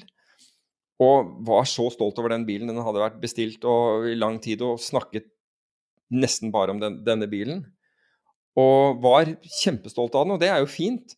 Men ikke lenger etter at, at denne bilen var kjøpt, så kommer det en helt maken bil, bare med ett, et, ikke et siffer, men et, eh, en bokstav til bak. Eh, altså Eh, nå forsøker jeg å holde det der slik at det ikke skal bli man skal gjette, til, gjette hvem det, dette her eh, var, eller at vedkommende skal føle seg utlevert. Men helt den, altså da, da, kommer det en bil. Den er litt grommere. Den har en, som sagt én bokstav til bak. Og verden hans raste. Fullstendig raste på basis av, av, det. Så du kan si at vi er alle forskjellige, for å si det på den måten. Var det når Men, det kom den nye utgaven av Lada Niva? nei, nei. Det var Nei, dette var faktisk en Audi. Det nå utleverte du jo! Ja, det var en Audi, ja, men det var en Audi, men, men så får man prøve å finne ut hvilken det var og hvem dette her kunne være. Men jeg tror skal, man skal ha litt problemer. Men eh, nei, jeg har ikke hørt noen ta den der om en Lada, men hva, hva vet jeg. Men eh, Du vet jo at Lada perfeksjonerte design i 1983 eller noe sånt, for de oppdaterte den ikke fram til sånn 2012. Jeg husker ikke hvordan modellet var. ja, jeg, jeg må jo si at jeg er ikke så inne i, i, eh, i, i biler at jeg kjenner til, til det. Men eh, hvis vi skal gå tilbake igjen til long term capital, altså ender jo da long term capital med det, Altså, den, den påvirker jo eh, en rekke banker påvirker eh, UBS med 700 millioner dollar som taper det. Og en haug av andre banker taper mellom 200 og 400 millioner. DNB kan du si, ikke fordi de var investert i, eh, i long term capital, men fordi de fikk effekten av det når long term capital skulle ut av krone, eh, norske kroneposisjonene sine. Det var jo tyske mark mot norske kroner den gangen. Det året, altså Da ryker DNB på 900 millioner kroner tap. Og det var et ekstremt tap, altså. Og jeg handlet jo selv i de der Vi ante jo ikke at det var long term capital på den andre siden av disse handlene, men det gikk jo helt av skogen. Det var Altså, du, du forsto ikke hva som skjedde. Du ante ikke Husk på at long term capital drev og solgte og solgte og solgte volatilitet. Og volatiliteten på øh, tyske mark mot norske kroner, altså på, på dette valutaparet, hadde vært under fire i lang tid. Og, var, og, og, det var nesten ingenting som, som skjedde der. Brokere ba om priser hver dag, men du orket ikke å drive og holde på. Så første dagen hvor denne popper over fire, så tenker du å, endelig, den selger jeg. Da var det en, plutselig en stor kjøper i markedet på, på 4,1 eller 4,2 eller et eller annet sånt. Og, vi, og vi, jeg husker jeg selger den. For at du ender den dagen på åtte. Altså Da har volatiliteten doblet seg på en dag. Da skjønner du plutselig at ting går eh, åt skogen. Og noen dager etterpå så er vi oppe i 22% volatilitet. Um, og altså, du hadde hedging um, uh, hedging-utfordringene fra helvete. Uh, for å dekke denne risikoen som, som du ble påført. Du ante jo ikke hva, det, hva, som, hva dette skyldtes i, i det hele tatt. Men så kom jo long term capital-situasjonen. Men det er jo som jeg alltid har sagt. Nummer én er å dekke risiko, nummer to er å finne ut hvorfor. Altså, no, altså Innen du finner ut hvorfor, så er du overkjørt hvis du ikke, hvis du ikke reagerer. Så det spiller ingen rolle hva det er. Det er, det er noe for puben. Uh, etterpå. Ja, og journalist. Og journalister. Og journalister. Men idet det skjer, så er det helt uvesentlig. Og veldig vanskelig å vite også. Når vi satt og så Jeg satt jo og fulgte Viacom-aksjen uh, den fredagen når det skjedde, og bare skjønte at noe var i gang, og til og med la det ut på Facebook-gruppa. Men det er jo helt umulig å vite det der og da, men det er jo price action som betyr noe, ikke sant. Mm. Så, og ingen hadde jo fulgt noe Via kom tett i det hele tatt. Det var ingen som snakka om På tross av at den var veldig, veldig opp i starten av eh, 2021. Ikke sant? Og, og det er jo nå vi begynner å komme til litt den koblinga med hvorfor vi snakker om det her nå. Hva, er, hva er poenget nå? Og, og da er det eh, Archegos. Ja, der er Archegos. Men, men hvis du ser på long term capital Den høsten faller Oslo Børs 44 Det er for øvrig eh, eh, samme høsten som, eh, som det TV-showet. eh, det finans-TV-showet er. Som, som vi har på innledningen vår. Altså musikken til. ja, altså fredag- fredagsbørsen. Ja. Fredagsbørsen. Um, Oslo Børs detter 44 det, det er jo på en, en tid hvor ingen tror at marked, markedet kan falle. Og Jeg husker jeg holdt et foredrag, jeg, jeg jobbet jo i, i bank på dette tidspunktet, jeg hol- holdt et foredrag uh, om markedene. For jeg, så, jeg, jeg mente at jeg så tegn til fare i, i, i markedene. Visste selvfølgelig ikke at vi skulle falle 44% på, på et par måneder. Men jeg så tegn, og da var det en kjent norsk investor som, som ble så sint på, på meg for å, for å i det hele tatt tro at markedet kunne falle i den situasjonen det var. Det var helt idiotisk. Um, vedkommende gikk for øvrig eh, over ende mindre enn en måned senere. På grunn av, på, på, nettopp pga. belåning og posisjoner. Eh, men dette medførte da eh, altså, Eller var en del av av den nedgangen som vi fikk i, vi fikk i oktober i, um, i, uh, i, i, 1998. Det var i slutten av september hvor alt gikk gærent for, um, for uh, long term capital. Da var det liksom long term capital på sitt, sitt, verste, og så overtok bankene da. Men det var utrolig usikre, usikre tider da.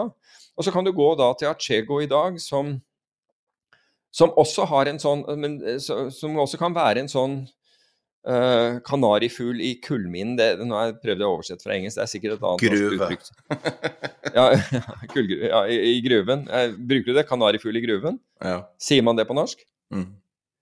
Ok. Men i hvert fall uh, hvor bankene hvor, hvor, man har brukt swapper, likt det som Altså, det var swapper som long term capital tapte mest på. Det er swapper som, uh, som uh, Archego har tapt mest på.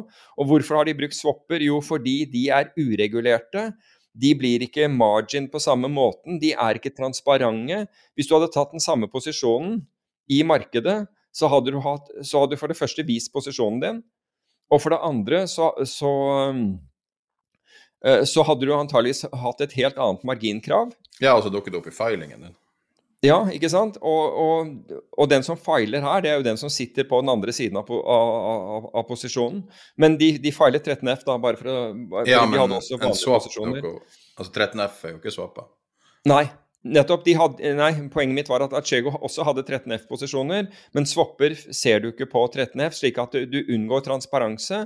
Du kan ha mer giring, men den mangel på transparanse rammer nå bankene fordi Nomura visste ikke at Kreditt Suisse hadde den samme posisjonen som dem, eller Goldman også satt på det.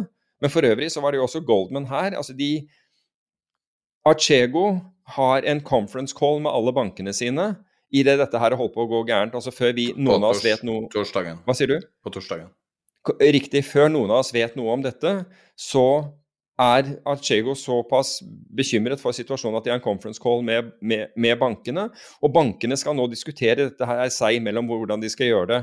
Viste seg at det raknet jo umiddelbart. For det, var, det var, gikk jo kort tid, og jeg tror det var bare timer før Goldman sendte ut en, e-mail til sine beste kunder om hva som var i ferd med å skje. Ja, den har vi publisert. Ikke en e-post, men en chat. Så den har jeg lagt ut på chatten, uh, realtime-chatten. Jeg kan også legge en link til, direkte til den, hvis du har lyst til å se hvordan det ser ut med et skikkelig firesale. En av de største firesalene vi har sett. Ok, jeg var ikke klar over det. Den er veldig nyttig å ha. Ja, jeg Men legger link si at... direkte til chatten, da. Det er noen dager bak. Så det er mange Skal jeg lese opp hva som... de sa? Ja, gjerne. Det er han eh, Michael Nosserino er nå bekrefta at uh, han er høyt oppe i gården. Three blocks this morning. All are free stock and registered. Results of forced deleveraging. Baidu uh, også uh, effective discount 14% TME down 40% from last, også 32 millioner i ø. Or three blocks are same seller. Uh, og så, så kommer det masse, masse chatter fra han. Helt åpenbart at han er veldig interessert på å close det her nå. Uh, mm. Og du får se gjennom uh, hele dagen, da. Det her er jo nesten som, å, det er nesten som en, en film. Du, du har jo tidskoden på chatten under hvordan det her utvikler seg gjennom dagen. De selger en del eh, før åpninga i USA. Eh, så det starter klokka 7.53. Det er en kunde av Goldman som har lekka det. Og klokka 7.53 kommer den første chatten ut eh, på morgenen. Og klokka 3.50 kommer den siste som sier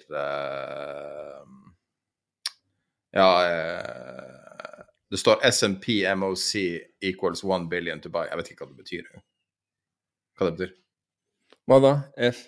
SNP MOC equals 1 billion to buy. 1 B to buy. SNP market on close, 1 billion to buy. Ja, hva det betyr? Det er siste siste. Ja, det betyr at du, du, de har en uh, market to close order for, e, for uh, 1 billion på SNP close okay, den så, dagen. Så det er urelatert til uh, det her? Ja, den tror jeg er urelatert, med mindre det er eh, at man er short andre, og så hedger man med dette. Det vet Klok jeg ikke. Klokka 3.10 FTCH, IQ, DISA, Books Closed. Så det var, det var vel de største posisjonene, tror jeg. Så du kan følge hvordan det her nedsalget går. Men uansett, jeg legger link til det hvis du har lyst til å se hvordan et uh, veldig alvorlig uh, nedsalg, hvordan det ser ut. Men det, det, som Altså, nå har vi jo, nå, nå har vi jo gått gjennom long term capital, og og, og, det er utrolig interessant det som skjer i long term capital for å forstå finans og forstå risiko og forstå ting som, som kan gå galt, og, forstå, og bl.a. forstå at diversifisering ikke er diversifisering når alle er avhengig av én faktor, nemlig likviditet, eh, eh, og at volatilitet er lav. Um, det er det ene. Det andre er at hvis du da går Dette var i 98. Hvis du går til finanskrisen, eller før finanskrisen, da. I 2007 så har vi enda et slikt tilfelle.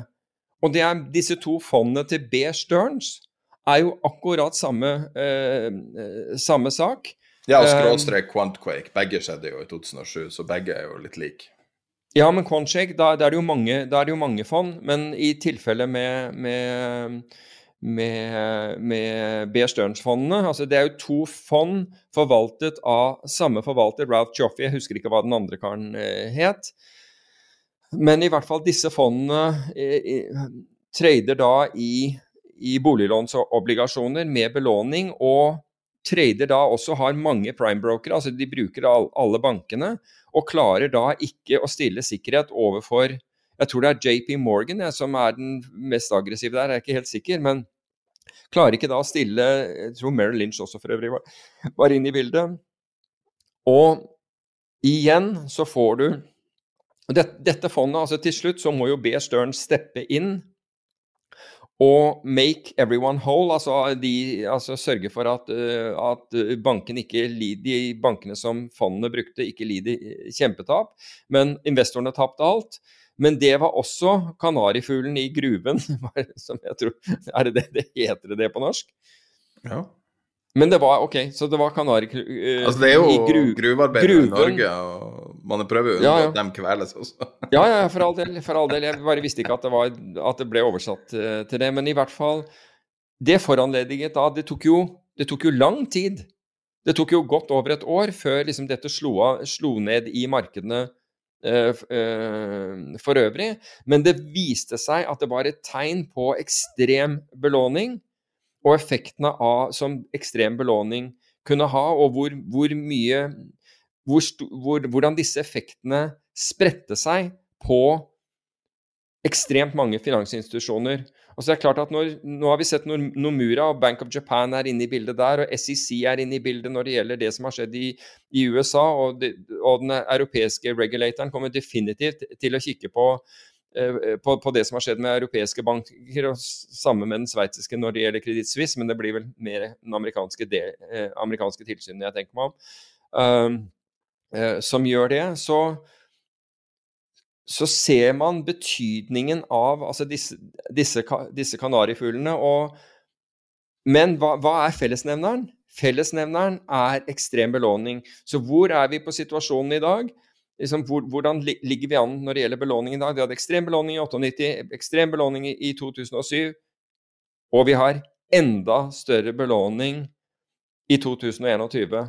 Det er større andel av BNP er eh, belåning, det er større andel av verdien av, av aksjer er, er, belånt. Du har større konsentrasjon fordi du har flere Du, du har langt flere mennesker som, altså, i, inni en enkelt aktiva-klasse enn en tidligere, en, nemlig aksjer. Så du har Det betyr ikke at 2001 eller 2000, unnskyld, 2021 eller, eller 2022 blir dårlige år, men vi har fått advarselen her. Vi har fått et, og vi har et datapunkt nå som vi kan gå tilbake inn og se hva skjedde, og hvordan håndterte man det.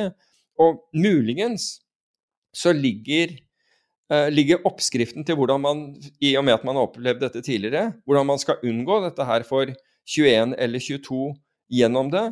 Men det er i hvert fall verdt å sette seg opp og ikke gjøre som altså Her i Norge så har det vært ekstremt liten fokus på Achego. Utenlands finanspresse nevner Achego hver eneste dag. Og det er verdt å, også verdt å ta med seg. Uh, så det også det er Når vi skulle snakke om det her, så var det sånn Når man begynner å snakke om et sånn gammelt tema, så blir det ofte sånn som kan minne nesten om i forelesning, og, og ofte vanskelig å sette ting i perspektiv. Så min takeaway fra når vi begynte å snakke om det, når du brakte det opp, altså koblinga til LTC med en gang, det er om, om det her er litt sånn symptomatisk for Ikke bare eh, liksom det at, at, man ser det samme Uh, man, ser, man, ser, det samme liksom, flere tilfeller, men, men, at det liksom er et symptom for en virkelig malaise, en virkelig sykdom i markedet, som eh, vil alltid komme, fordi at folkene er det samme, markedet er det samme, aktørene er de samme.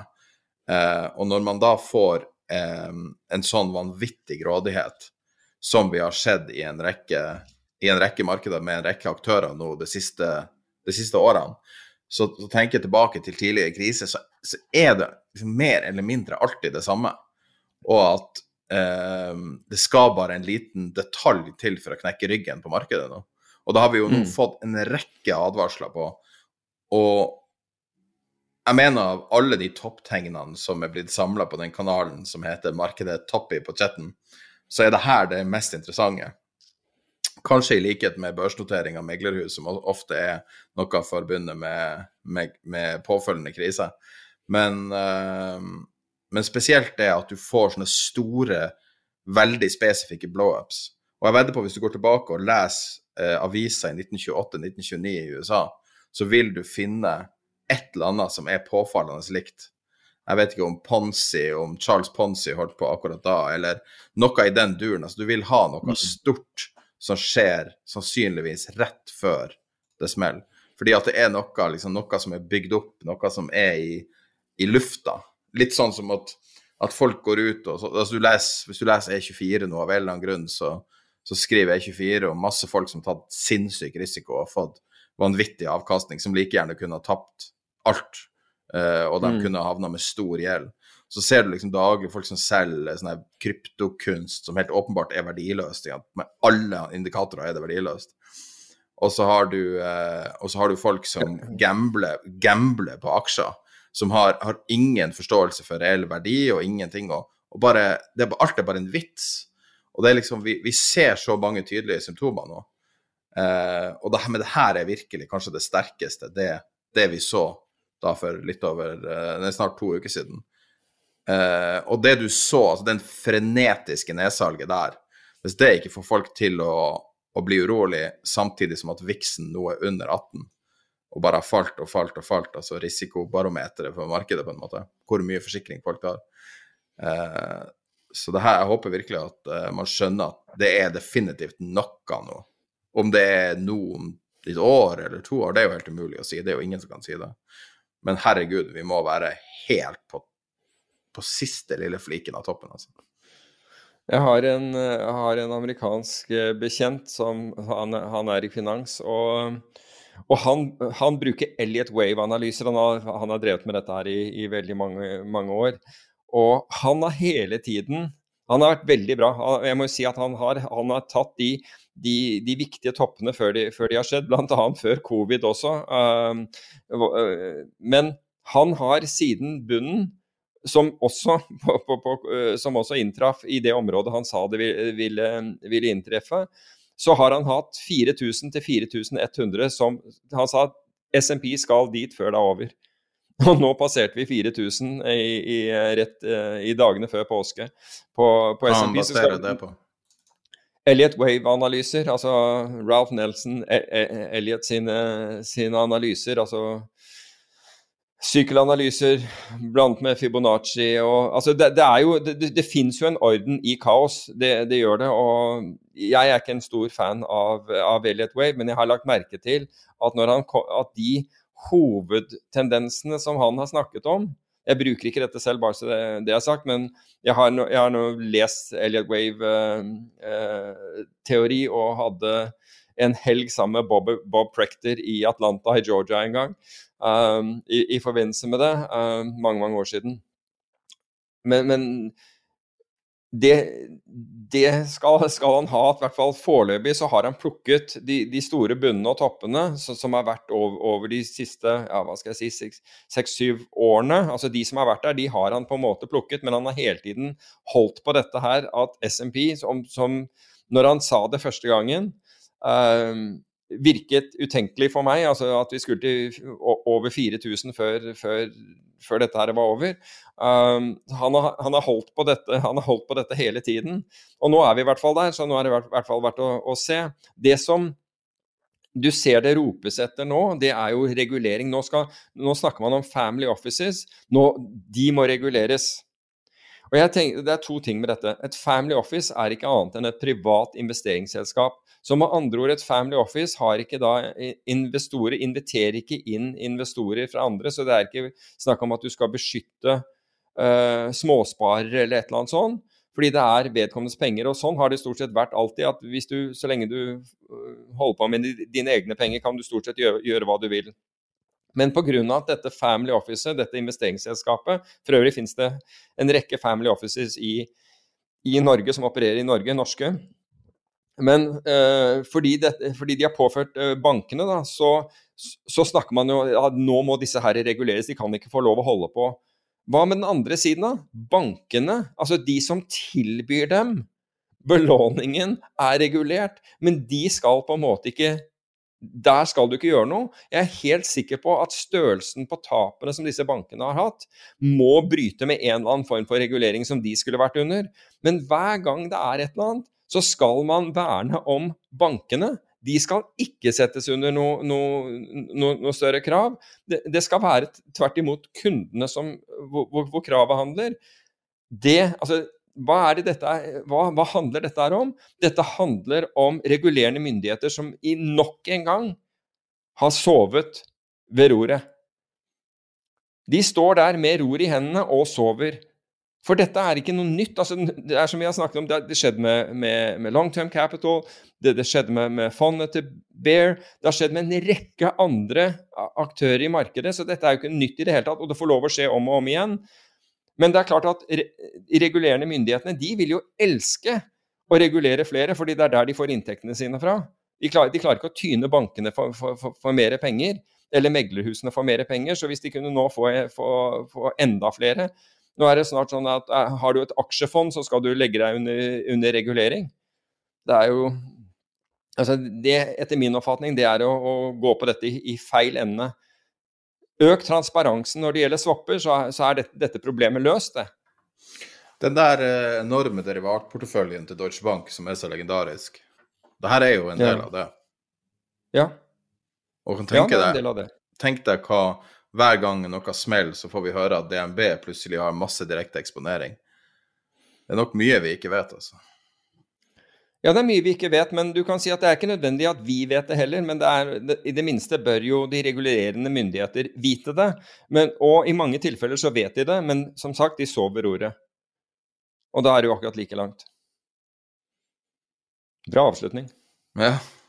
Nei, da er vi ferdig med episode 101, første ukentlige episoden, så Uh, får vi nå bare se hvordan det går, om vi går lei eller tom for tema. Vi skulle jo bare kjøre en time i dag, men det ble nå en og en halv time. så... Men hvis folk vil høre detaljene rundt Arcego, så er jo det i episode 100. Ja. Der, gikk vi godt, der gikk vi ganske grundig gjennom Arcego. Og så står det også Jeg har skrevet blogginnlegg eh, om det når, når, det var ganske ferskt, og så eh, står det på tiderpenger.no. Um, ellers så eh, kan du oppsøke og finne mye informasjon om det og annet på tiderpenger.no. Det er ei side som er under utvikling kontinuerlig, eh, men eh, ideen er å prøve å samle alt du trenger for å være i finans. Og der har du live nyheter på Newswire.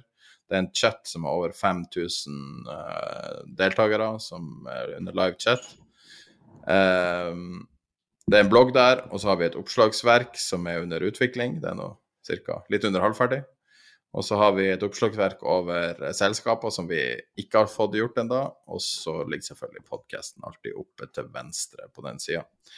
Og så kan jeg også minne på at uh, hvis du uh, har lyst til å uh, ha ei gratis lydbok og bruke den lydbokappen som Peter og jeg har brukt i over ti år, så kan du signe opp på Audible. Det er link Eh, til eh, hvordan du kan eh, bli medlem der og i tillegg støtte podkasten. En link i beskrivelsen. Og så er linken også på den sida som heter leselisten på tiderpenger.no. Helt øverst ligger det en link til deg. Så hvis du klikker på den, eller klikker på linken i beskrivelsen, så får vi si credit for det. Og så Der kan du også, blant annet hvis du skal ta ei bokanbefaling der, så heter det ei bok som heter When Genius Failed som eh, er veldig relevant for det vi har snakka om i dag. så vil jeg også avslutningsvis eh, komme med et uh, lite dementi basert på en liten greie fra forrige episode. og Det var henvisning til påskelabyrinten. og det var i forbindelse med en deltaker som vi liksom på spøk sa at det var, hadde juksa. Jeg vil også presisere at det var ikke juks. Det var også spesifisert på nrk.no. Eh, der det var I henhold til reglene kunne du både bruke Google og hjelp fra andre. Så jeg vil, uh, synes det var ryddig å presisere det. Det kom fram litt skjevt. Så også si at uh, vedkommende som er Jone Frafjord fra Finansavisen, har et dyp respekt for og håpte virkelig han skulle gjøre det bra. Så det var, jeg var litt sånn tatt av vinden. Var på hytta og hørte på uh, Påskelabyrinten. Så beklager for det. Ses neste gang.